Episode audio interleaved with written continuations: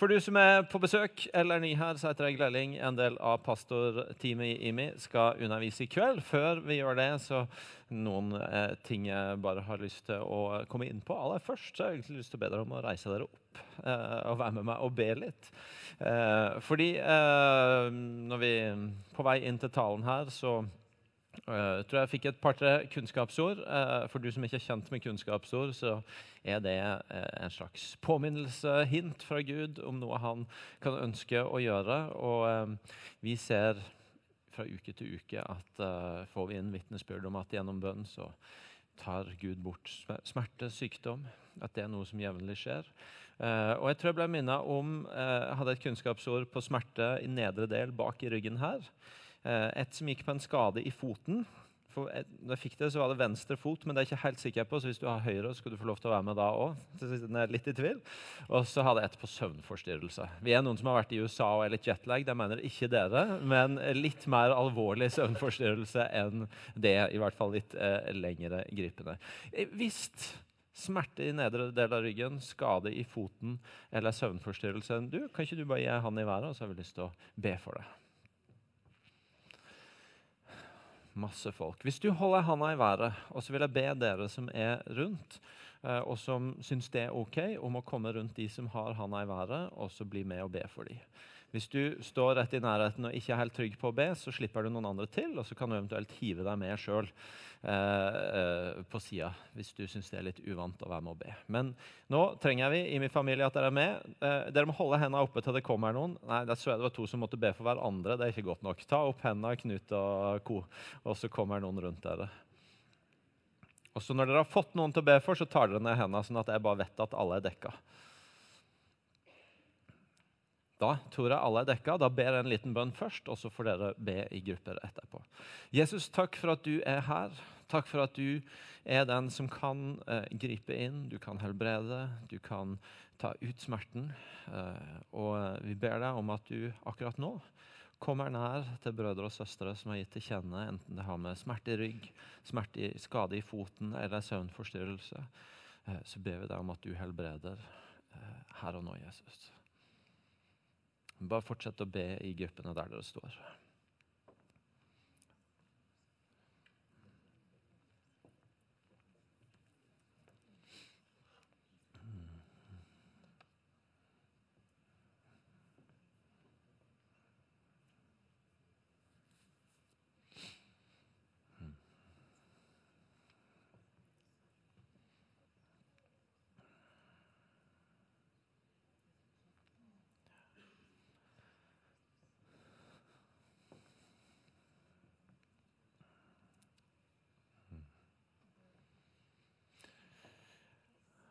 Da kan dere få lov til å spørre den dere ber for, om de merker at noe skjer, at noe er i endring, at noe er bedre. Hvis noe skjer, så velsigner dere det. Og Hvis det ikke noe skjer, så ber dere en gang til og ber om at det som ikke måtte skje nå, at Gud skal fortsette å virke gjennom gudstjenesten og utover natta, og ta det bort.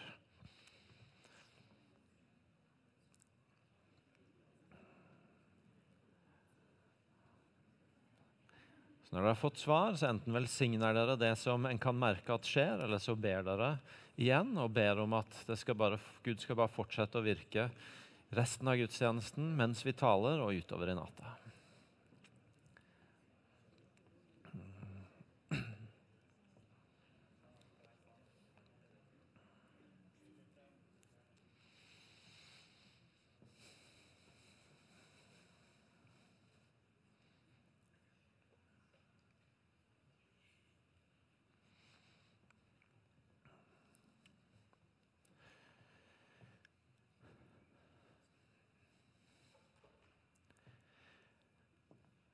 Hellige Ånd, takk for det du gjør her akkurat nå. Takk for både det vi kan merke, og det vi ikke kan merke, men vi vet at bønner virker. Og Vi ber om at du bare fortsetter å gjøre ditt verk i den enkelte av de vi ber for nå. Ikke bare akkurat nå mens vi ber, men gjennom gudstjenesten, gjennom lovsangen etterpå, og gjennom den natta som kommer. Takk for din godhet. Takk for den du er. Amen. Vær så god og sitt.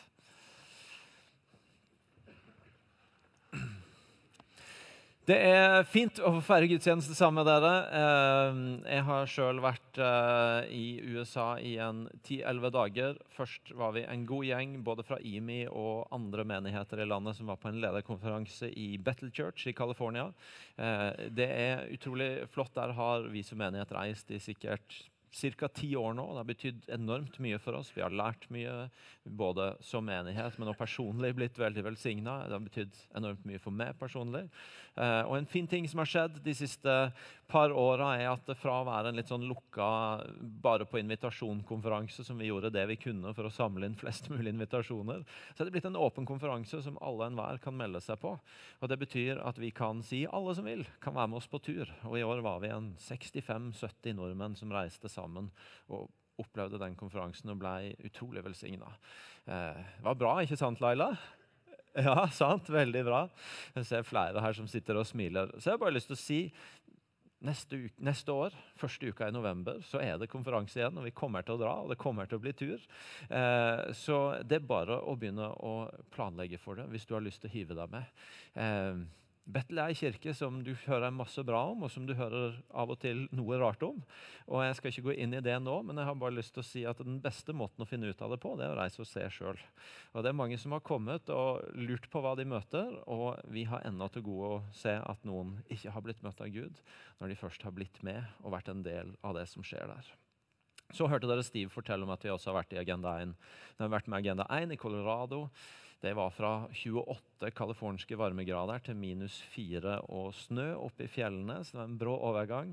Og jeg blei litt mobba av de lokalinnfødte. fordi at sist vi var der i mai og skulle liksom avtale dette, så eh, plutselig siste dagen når vi sto og underviste, så sto det en bjørn et par hundre meter utafor eh, huset der og gikk. Og, denne, og nå så en kveld etter vi var ferdig, så måtte jeg gå alene en seks-syv minutter i mørket fra det huset vi var i, og ned til hytta. og Jeg gikk lett på tå og tenkte på bjørnen og lyste litt med lykta. og var utrolig fornøyd når jeg kom meg helskinna ned. Eh, og når jeg delte dette med de lokalinnfødte dagen etterpå, så lurte de på lærte ikke du den bjørnen sover når du gikk på skolen. Ja, jo, i hiet sitt. Så Men uh, OK. det er fantastisk å se at vi reiser til USA med Agenda 1 og tenker har vi noe å gi til kirker i USA? De har jo tilgang på alt mulig av undervisning og ressurser. Um, og så opplever de faktisk at noe av det vi kommer med tilbedelse, med Guds nærvær, med det å tenke etterfølgelse av Jesus med et fundament av kjærlighet, får faktisk bety veldig mye for dem. Vi hadde en fantastisk samling. Så det var veldig bra. Siste jeg har lyst til å si før jeg begynner å tale, er bare at eh, det er fint å være hjemme også fordi nå ligger det en fantastisk uke foran oss. Dere hørte om det på filmen. Eh, IMI-festen til fredag, men også ikke minst takkesøndag som kommer. Og Der hadde jeg bare lyst til å si bruk den uka som ligger foran på å forberede dere på takkesøndagen. For takkesøndag blir den takkesøndagen det skal være. Ikke når vi bare kommer til gudstjeneste på søndag og tenker nå gleder jeg meg til å høre fine historier om det Gud gjør. Men det blir virkelig takkesøndag når vi kommer og har med oss noe vi har lyst til å takke for og dele av det Gud har gjort i våre liv. Og Derfor er dette en veldig fin uke for å gjemme blant venner i huskirka og ta litt ekstra tid og snakke om hva har jeg vært takknemlig for fra det året som ligger bak. Er det noe Gud har gjort i livet mitt? Er det noe jeg kunne tenke meg å gi Han ære for den søndagen? Og Så blir det åpen mikrofon både på formiddag og kveld, hvor du får mulighet til å komme fram og sette ord på noe av det du er takknemlig for. Så eh, bruk uka i takknemlighetens tegn på å forberede deg. Yes, Da er vi kommet til kveldens tema, og det er siste kveld i den serien som har fulgt oss nå. Dette blir tolvte uka. Vi snakker om en serie som heter Kroppsbygger, og som Anne Kristin sa ved starten, eh, så kan det hende at vi begynner å føle at vi har bygd nok kropp nå. Eh, selv om jeg ikke egentlig føler det syns så veldig sånn på utsida. Eh, men vi har i hvert fall eh, kommet dit at vi har sett på de eh, gavene, de nådegavene vi ønsker å se på. Eh, og vi skal for denne gang lande litt, selv om dette temaet med De fem tjenestene som jeg straks skal si litt mer om hva er for du som er på besøk. Eh, og, og, nådegavene det, det, er noe vi kommer til å fortsette å snakke om og jobbe med, fordi vi tror det er så viktig. Men for å ta oss alle bare inn i hva, hva er det det handla om? Så har vi altså brukt tolv uker i én tekst fra Efeserne 4, hvor Paulus snakker, begynner i Efes, starten av Efeserne 4 med å snakke veldig mye om enhet. Han legger innover menigheten i Efesos, Efesos at de må holde sammen. De må være ett. De må legge vind på at de ikke splittes, men at de, de lar noen grunnleggende ting i troa få holde de sammen som ett fellesskap. Og Så går han videre derfra til å snakke om mangfoldet. Han sier i vers 7 at til hver enkelt av oss er nåden gitt, alt etter som Kristi gave tilmålt. Og så, og så tydeliggjør han de gavene som er gitt, fra vers 11 og 12, med å si og det var han som ga noen til å være apostler, noen til profeter, noen til evangelister og noen til hyrder og lærere. Så han går fra å snakke om enhet til å snakke om et mangfold av tjenester som vi alle har fått en del i.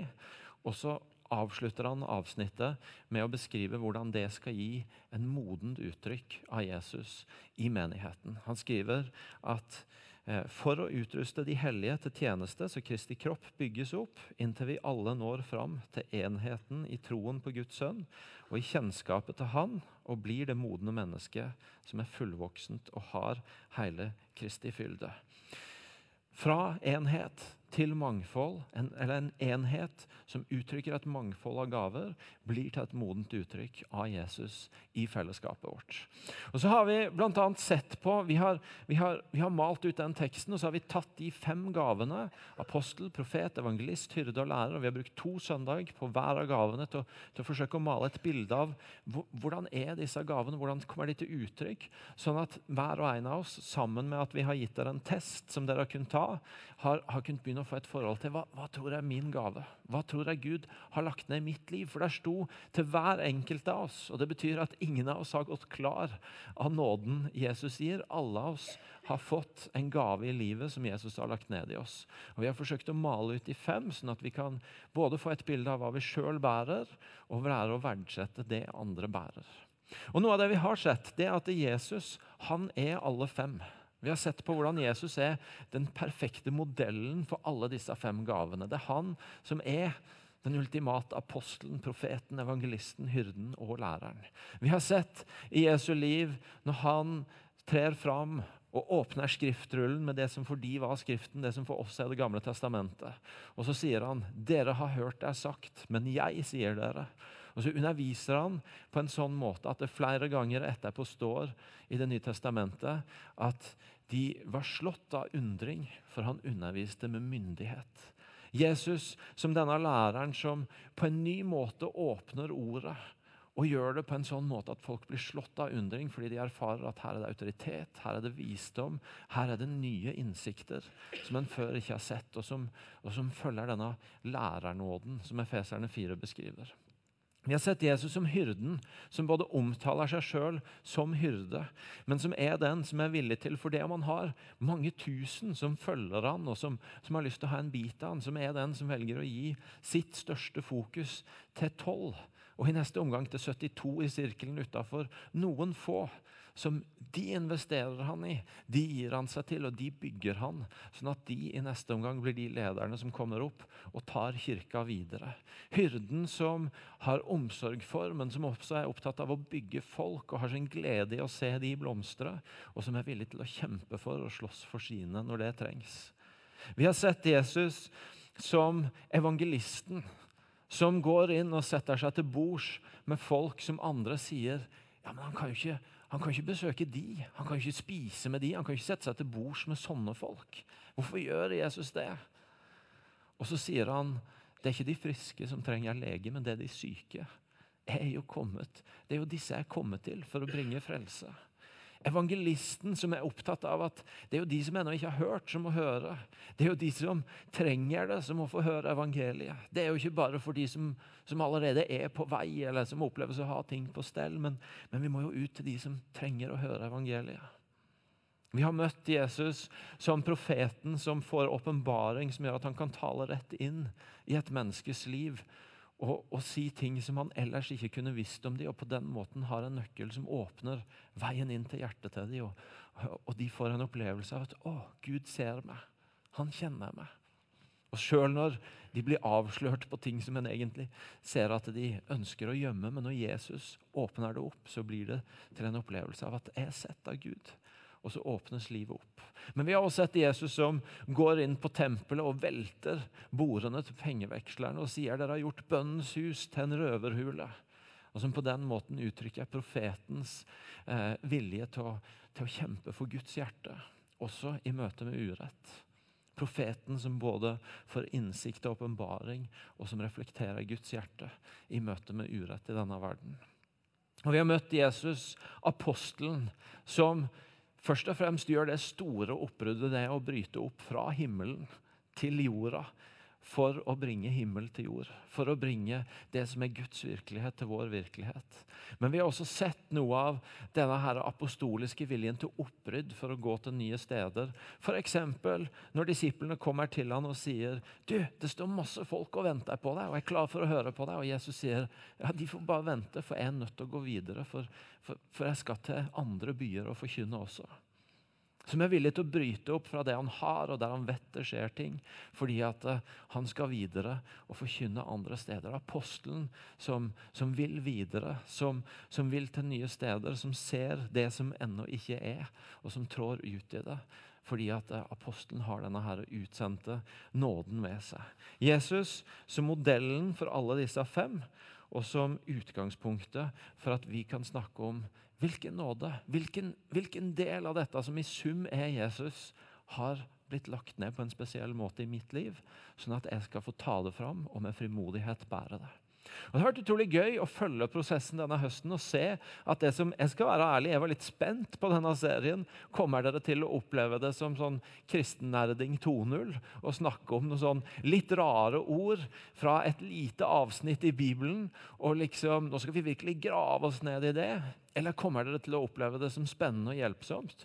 Og så har Det vært, det er sjelden jeg har opplevd så mye respons på en taleserie. av at Oi, dette er spennende, og jeg lærer nye ting. og Jeg har sett folk har drevet tatt denne testen vi har vist det på nettet, og, eh, og, og sendt bilder til hverandre på melding om hvordan den slo ut. og Huskirken har hatt masse spennende samtaler. Det har gjort noe med oss å oppdage at ja, Gud har lagt noe ned i mitt liv.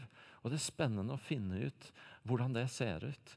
Og det var som en sa til meg ute på torget her, at det er jo veldig i vinden med, med personlighetstester og sånne ting for tida. Og da er det jo litt kult å se at Paulus, og i neste omgang Gud, var ute lenge før mange av de andre med, eh, med et bilde som hjelper oss til å forstå noe av hvordan vi fungerer, ut ifra de gavene han har lagt ned i livet vårt.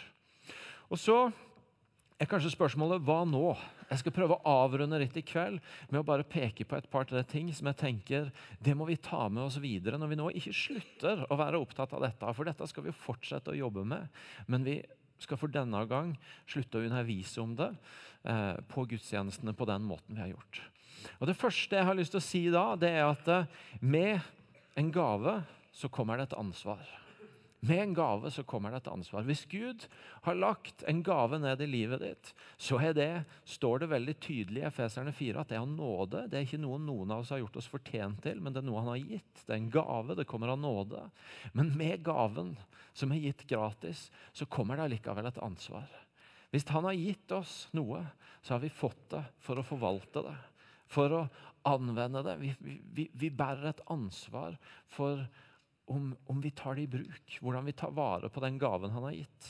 Vi leser f.eks. at Paulus skriver til Timoteus, en av de han var leder for og disippelgjorde. Han, han skriver det rett nok ikke i en spesifikk kontekst av dette femfoldige, men allikevel så handler det om gaver. Så skriver han f.eks. i 1. Timoteus 4,14.: Forsøm ikke den nådegaven du har. Forsøm ikke den nådegaven du har. Han skriver i kapittel 6 i 1. Timoteus 1. Ta vare på det som er betrodd deg. Og så skriver han i 2. Timoteus 1, vers 6.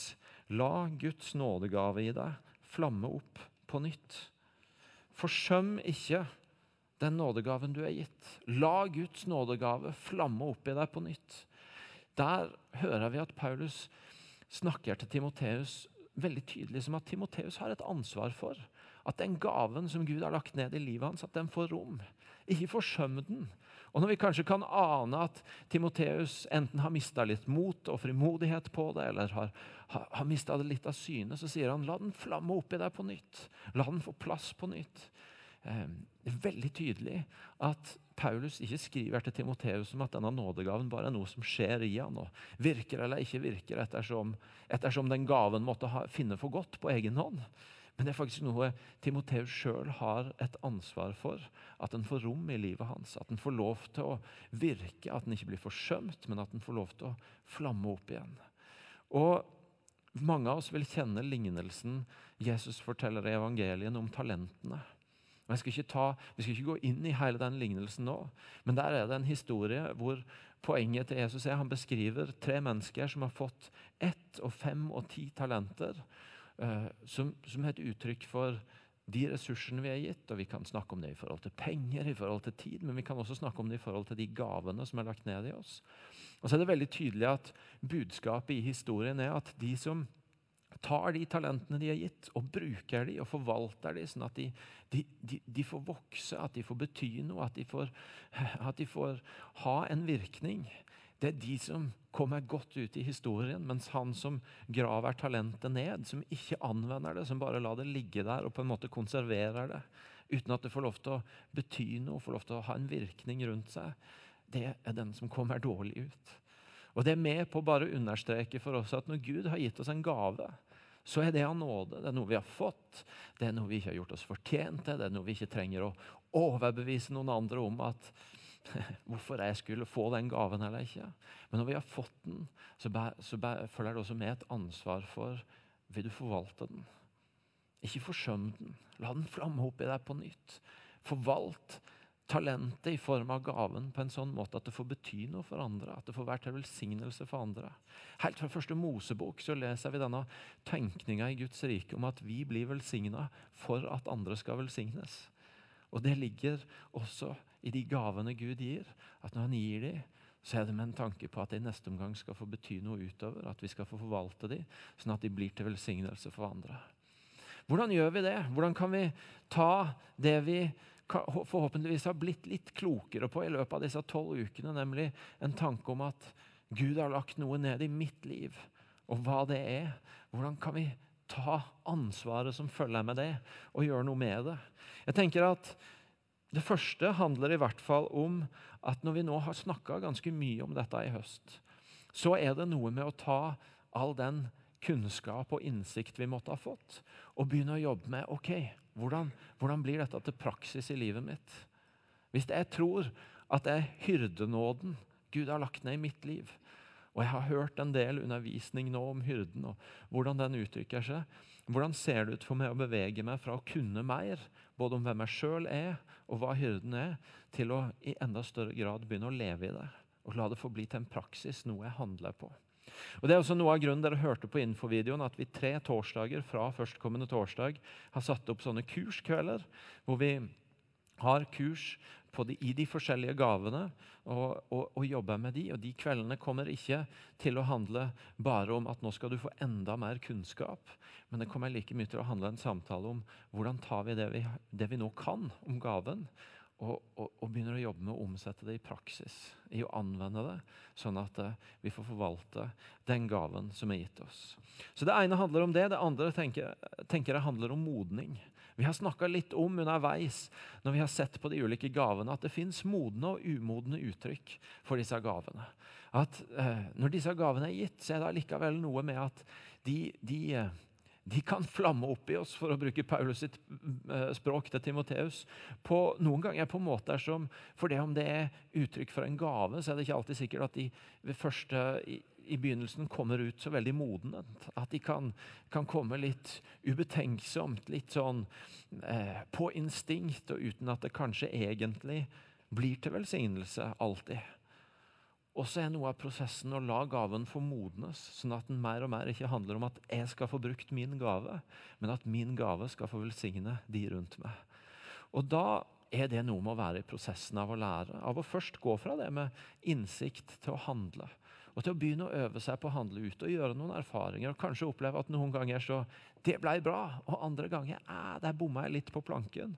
Og så hvis den er villig til å ta læring og til å være i prosess, så modnes gaven, sånn at den enda tydeligere som jeg sier, får gå fra å handle om at jeg skal få bruke min gave, til at min gave skal få være til velsignelse for de rundt meg. Og Det tredje jeg har lyst til å si om det med å forvalte gaven, det handler om å kanskje bruke litt tid på å forstå mer av sammenhengen. Ikke bare med den, den gaven som du kommer ut høyest med, men faktum er, realiteten er at for de aller fleste av oss er det gjerne sånn at det er en to-tre av disse fem gavene som vi kommer sterkere ut på enn andre. Og at Det ikke helt ubetydelig, det handler ikke bare om hvilken som kommer høyest ut, men ofte så er de andre som du også slår tydelig ut på, med å forme hvordan dette ser ut i ditt liv. Jeg personlig slår mest ut på apostel og lærer. og eh, har jobba tett med Martin, som slår, tett, som slår, mest ut på apostel og profet.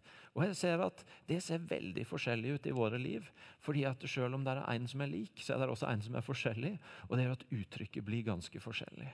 Og Det er annerledes om du er en hyrde som eh, har det i kombo med en evangelist eller med en profet. eller Det du har rundt, det gir litt forskjellige uttrykk.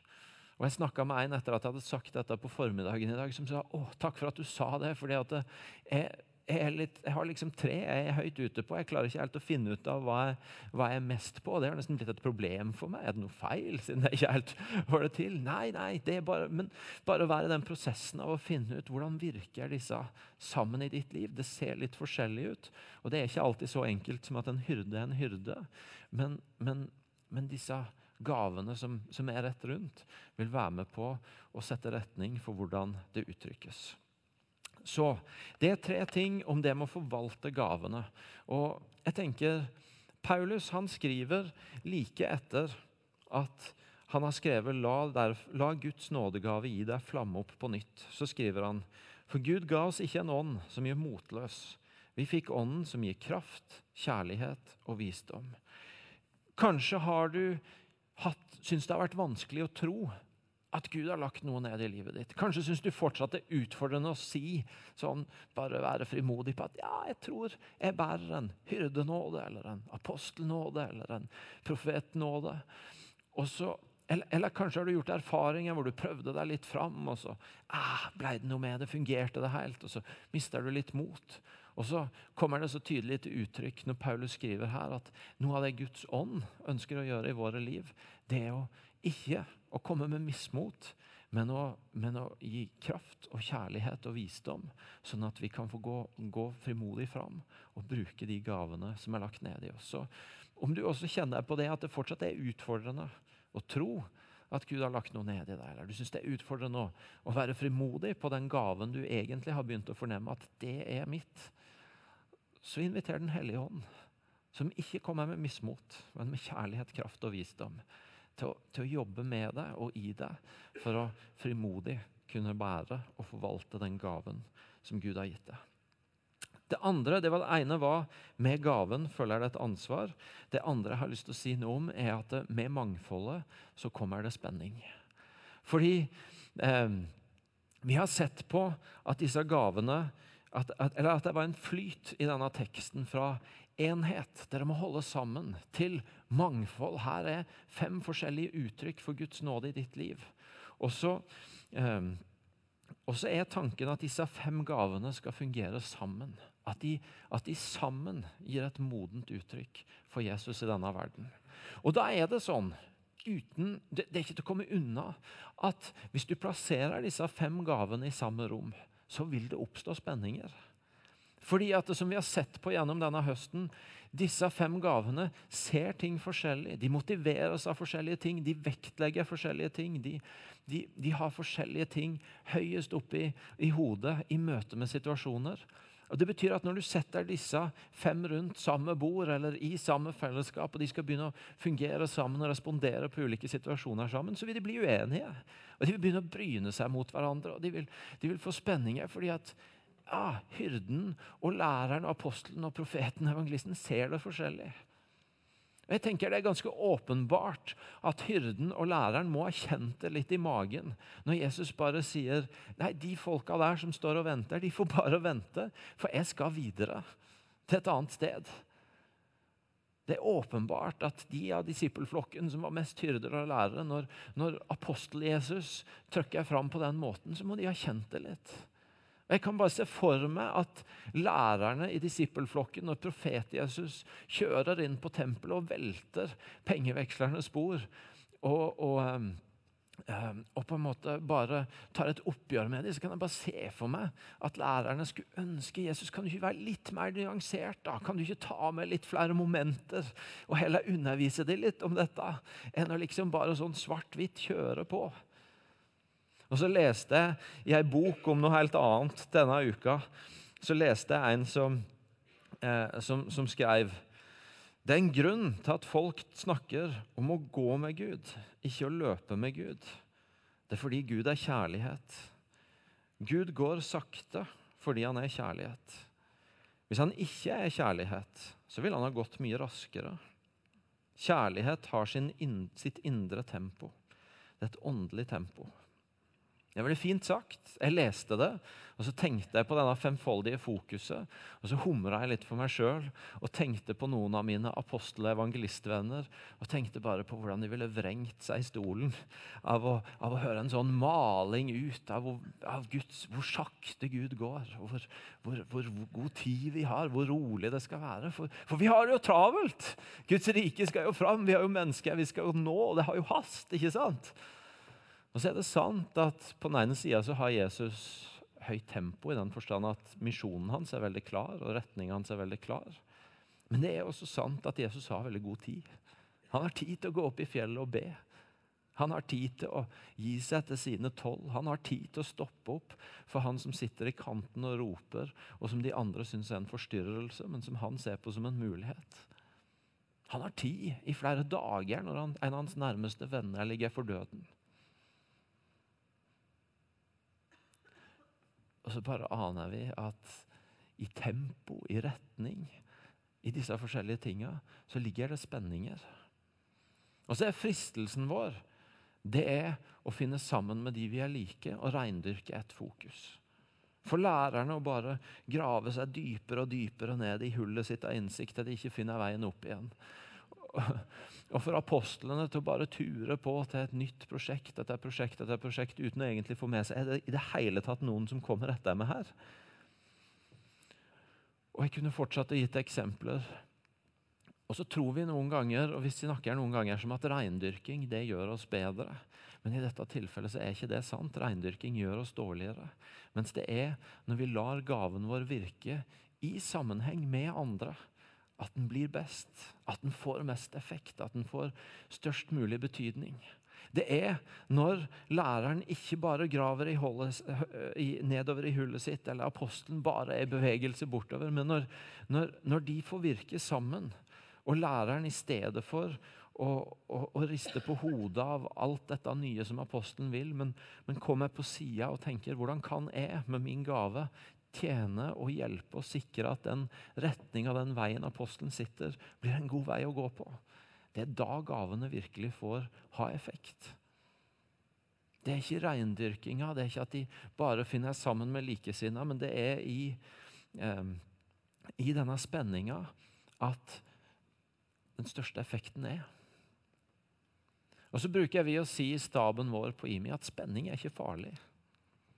Spenning er ikke farlig. Det kan være ubehagelig noen ganger. Det kan det. Og for noen av oss mer enn andre. Sånn som jeg er skrudd sammen, så syns jeg det er enklest hvis det ikke er så mye spenning. Og så jobber jeg sammen med andre som jeg tror syns det er litt gøy med spenning. men, men spenning er ikke farlig. Spenning er ikke farlig. Og Det står i ordspråkene, ordspråkene 27, 17 at jern kvesser, kvess, kvesser, jern kvesser jern, og det ene mennesket kvesser det andre.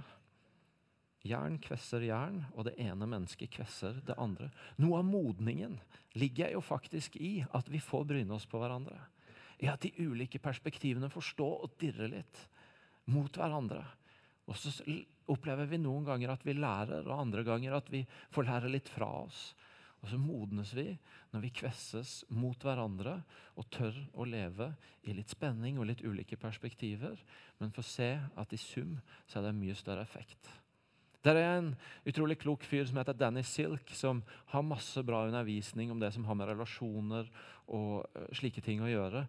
Og Han snakker om at målet for kommunikasjon og relasjon det er alltid forbindelse, eller connection. Uh, the goal of relationship is connection. Målet når vi har interaksjon med hverandre, det er alltid jeg er i bevegelse mot deg. Kommer jeg nærmere med deg, det kobler jeg meg mer på deg. Målet er aldri å er aldri det motsatte. Disconnection. Det å være i bevegelse fra hverandre. Det, å, det tilbaketrekning. Og skal dette her med disse fem gavene som lever i spenning med hverandre, fungere, så må det jo være et fundament av relasjon ikke sant? som gjør at vi har en tillit til hverandre, som gjør at vi tør å tro at også når det dirrer litt, også når det kvesses litt mot hverandre, så, så er det et fundament av at vi, vi, har en relasjon som tåler det. Vi har en trygghet på hverandre av at vi vil hverandre godt, som gjør at ja, jeg kan tørre å leve med den spenninga. Og Jeg kan til og med tåle at det er litt ubehagelig, fordi jeg vet at i morgen igjen, når vi har, når vi har kommet forbi den spenninga, så, så, har vi en relasjon som tåler det, og vi går videre sammen. Og Det kan være et godt perspektiv for oss når vi tar gaven vår med inn i huskirka, i tjenestefellesskapet, i menigheten, og vi, og vi merker at her dirrer det litt. Og ta med oss det sitatet fra Danny Silk og tenke hvordan, hvordan, ser det ut i den spenningen som, som, nå står mellom min gave og en annens gave, og allikevel søker forbindelse? Hvordan ser det ut sjøl om vi ser det så forskjellig nå, og det dirrer litt, og, og, og søke mot hverandre? Kan jeg lære noe? Kan jeg, for det om jeg er uenig, anerkjenne gaven og perspektivet? Kan jeg uttrykke at selv om jeg ikke vet om jeg forstår det helt, eller er helt enig med det, så er mitt grunnleggende ønske at dette skal vi gå videre sammen i. Og så kan det få dirre litt, og det kan få spenne litt, men målet er alltid forbindelse. Målet er alltid at vi heller brynes på hverandre enn å trekke oss tilbake fra hverandre. Og på den måten så blir i sum resultatet veldig mye bedre.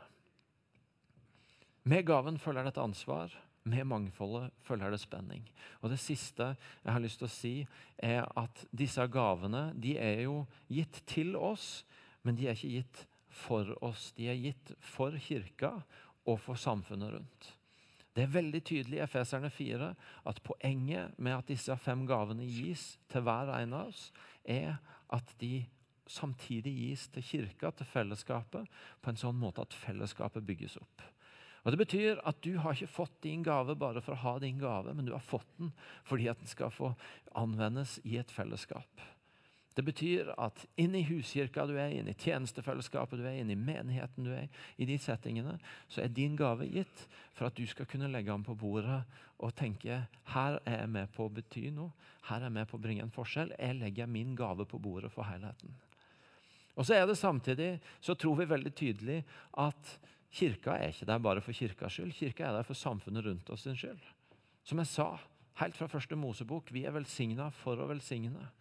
Og Derfor er noe av det spennende det er å på den ene sida tenke hvordan ser det ut for meg å ta min gave og legge den på bordet for fellesskapet er en del av? Hvordan ser det ut for meg å ta en hyrdegave, en apostelnåde, en profetgave, og, og si hvordan kan jeg bringe denne inn i huskirka, i tjenestefellesskapet der jeg er med, og, å være med å tjene og bygge opp menigheten. Men det er samtidig veldig spennende å spørre hvordan tar jeg med meg den gaven jeg har fått, og bruker den utafor kirka? Fordi, fordi, vi er ikke bare gitt til kirka, vi er gitt til verden rundt oss òg. Og Da er det spennende å spørre hvordan, hvordan, ser det ut for meg å ta den nåden Gud har lagt ned i mitt liv, og bruke den på jobben min, på studiestedet mitt, i nabolaget mitt, i fotballklubben jeg er engasjert i? Eh, i, i, andre settinger hvor jeg har en rolle å spille. Hvordan kan jeg anvende gaven Gud har gitt meg der? husker fra en tid tilbake at det var ei som gikk her i menigheten, så fikk jeg en tilbakemelding fra en leder på arbeidsplassen som ellers var veldig tydelig uttalt at du ikke hadde så veldig mye til over for kristen tro og kirke, og sånn, men som allikevel sa til denne arbeidstakeren sin du må ikke slutte å gå i den kirka di, for du tar med deg så mye bra derfra som får bety noe på arbeidsplassen her. Og Det er et utrolig spennende perspektiv. At du bringer noe av det Gud gir deg, inn i samfunnssettinga og så får det bety noe. Jeg husker Vi satt i huskirka vår og snakka med en som, som, strevde litt og ikke helt hadde et forhold til at han kanskje var en lærer, men som bare fortalte at ja, det er jo veldig ofte sånn på jobben min at selv om det ikke står i stillingsbeskrivelsen min, så ender det opp med at jeg er den som viser folk ting, og som, som hjelper folk til å finne ut av ting de trenger å kunne for å jobbe. Ja, Kan det være at Gud har lagt en lærernåde ned i deg, og at du får lov til å bruke den på jobben din? på en sånn måte at det blir til velsignelse for arbeidsplassen din. Ja, en av de tingene jeg skulle, skulle, på mange måter ønskt vi hadde gjort bedre i den serien vi har bak oss, det er at uh, veldig mange av eksemplene våre på hvordan disse gavene kommer til uttrykk, har vært sånne kirkeeksempler. Og Det er nok fordi at det er det vi kan, kan mest om. Jeg skulle ønske at jeg, vi hadde gitt dere flere eksempler på hvordan ser det ut å ta denne gaven inn på arbeidsplassen, eller inn i fotballklubben du er engasjert i, eller, eller inn på studiestedet. Og, og, øh, men, men, det er en del av reisen vår. Vi er på mange måter litt nye i dette, vi òg. Vi, vi, trenger å lære, og derfor vil jeg gjerne høre historier tilbake fra dere. Etter hvert som dere begynner å Ok, hvordan ser det ut for meg å ta den gaven og ikke bare tenke kirke, men også tenke samfunn? Etter hvert som dere gjør erfaringer på det, fortell oss om det. For jeg tror der er det masse for oss å lære. Vi har ikke fått det bare innenfor kirkeveggene, men vi har fått det for samfunnet. Og det er spennende å tenke begge deler. Hvordan ser det ut for meg og du å ta gaven Gud har gitt, og bringe den inn i fellesskapet? Men hvordan ser det også ut for meg og du å ta gaven Gud har gitt, og bringe den ut i samfunnet, og la den få være et utgangspunkt for å bety en forskjell på jobb, på studiested og andre steder hvor han er. Og Så slutter serien nå, men vi har lyst til å fortsette å være underveis i dette. Fortsette å lære dette, fortsette å snakke om det, fortsette å bruke det i huskirkene. Fortsett å sammen med oss, og så skal vi plukke det opp igjen, både med kursa som kommer, men også på andre måter. Fordi vi tror at her er vi inne på noe som er så viktig for, for oss som menighet, og for frimodiggjøring av hver enkelt av oss, at vi kan ha et forhold til dette har Gud lagt ned i mitt liv, og dette skal jeg få lov til å frimodig vokse inn i, og få gi noe til både menigheten og til samfunnet. Skal vi reise oss opp, og så skal vi be sammen. Og Da har jeg lyst til å spørre deg Um, har du i løpet av disse tolv ukene vi har holdt på, fått et tydeligere forhold til hva Gud har lagt ned i ditt liv? Hvis du har det, så har jeg lyst til å be deg om å rekke opp ei hånd, og så har jeg lyst til å be for deg om eh, din forvaltning av den gaven. Så hvis du har fått et tydeligere forhold, så vil jeg gjerne se ei hånd i været. Yes. Masse hender i været. Veldig flott. Og det har jeg bare lyst til å be for dere. Kjære Jesus, tusen takk for det du har lagt ned i hver enkelt av oss. Og takk for at du gir av nåde. Vi har ikke gjort oss fortjent til det. Vi skal slippe å forsvare den gaven vi har fått. Vi skal slippe å føle at vi må, vi må vise at vi har gjort oss fortjent til det. Men vi skal få gå i frimodig tro på at du ga den av nåde, sånn som du ønska. Og så har jeg lyst til å be deg veldig spesifikt for de som nå har gitt et tegn på, brødre og søstre, at, at, at, denne høsten så har de funnet noe mer av hva du har lagt ned i livet ditt. Jeg har lyst til å be deg om at du gir nåde og frimodighet til å forvalte gaven. Og til å la den få vokse fram, ikke bare i innsikt, men i liv. Til å la den få modnes, og til å la den få ha betydning både for menigheten, fellesskapet de er en del av, og for samfunnet som vi lever i. Vis dem hva som er neste steg. Gi dem frimodighet. Led dem til settinger hvor, hvor, de opplever at det er rom for å anvende. Og Jeg ber deg, Hellige Ånd, om at, om at når, når, de gir, når, de gir, den gaven rom til å flamme opp igjen, som, du, som, som Paulus skriver, så vil du, Hellige Ånd, gi dem mismot, men kraft og kjærlighet og visdom til å trø ut i og anvende den gaven som du har lagt ned. Så jeg bare lyst til å takke deg for at du har gitt et så fantastisk bredt spekter av gaver til oss som menighet. Og ber deg om at du gir oss nåde sammen til å forvalte det. Ikke bare individuelt, men som fellesskap. At du gir oss nåde til å verdsette den enkelte. Og til å se og til å anerkjenne gaven den enkelte har fått. Og så har jeg lyst til å invitere deg, Hellige Ånd, til å lære oss sammen òg om hvordan ser det ut, og ikke bare la disse gavene virke i menigheten, men i samfunnet. Jeg ber deg om at neste gang vi skal forkynne, så har vi massevis av eksempler å gi. Fordi vi har fått være på en læringsreise sammen med du, Hellige Ånd.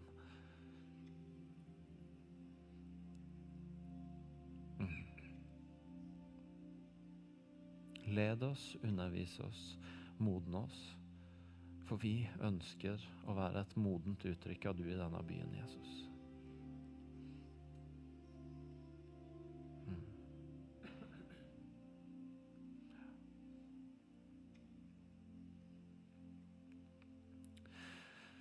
Så jeg har også lyst til å be deg for de som Hvis det er noen som sitter litt sånn forvirra igjen og fortsatt syns det er vanskelig å vite og forstå og kjenne seg sjøl igjen i bildet fordi om serien stopper nå, at alt det som er sådd, alt det som er formidla, skal få lov til å bare fortsette å modne og jobbe.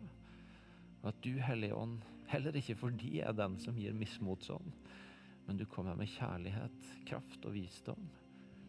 Og at du også skal la erkjennelsen og frimodigheten på det som er planta i de sitt liv, få vokse fram i tida som kommer. La oss sammen få holde fast i at mismotet kommer ikke fra du.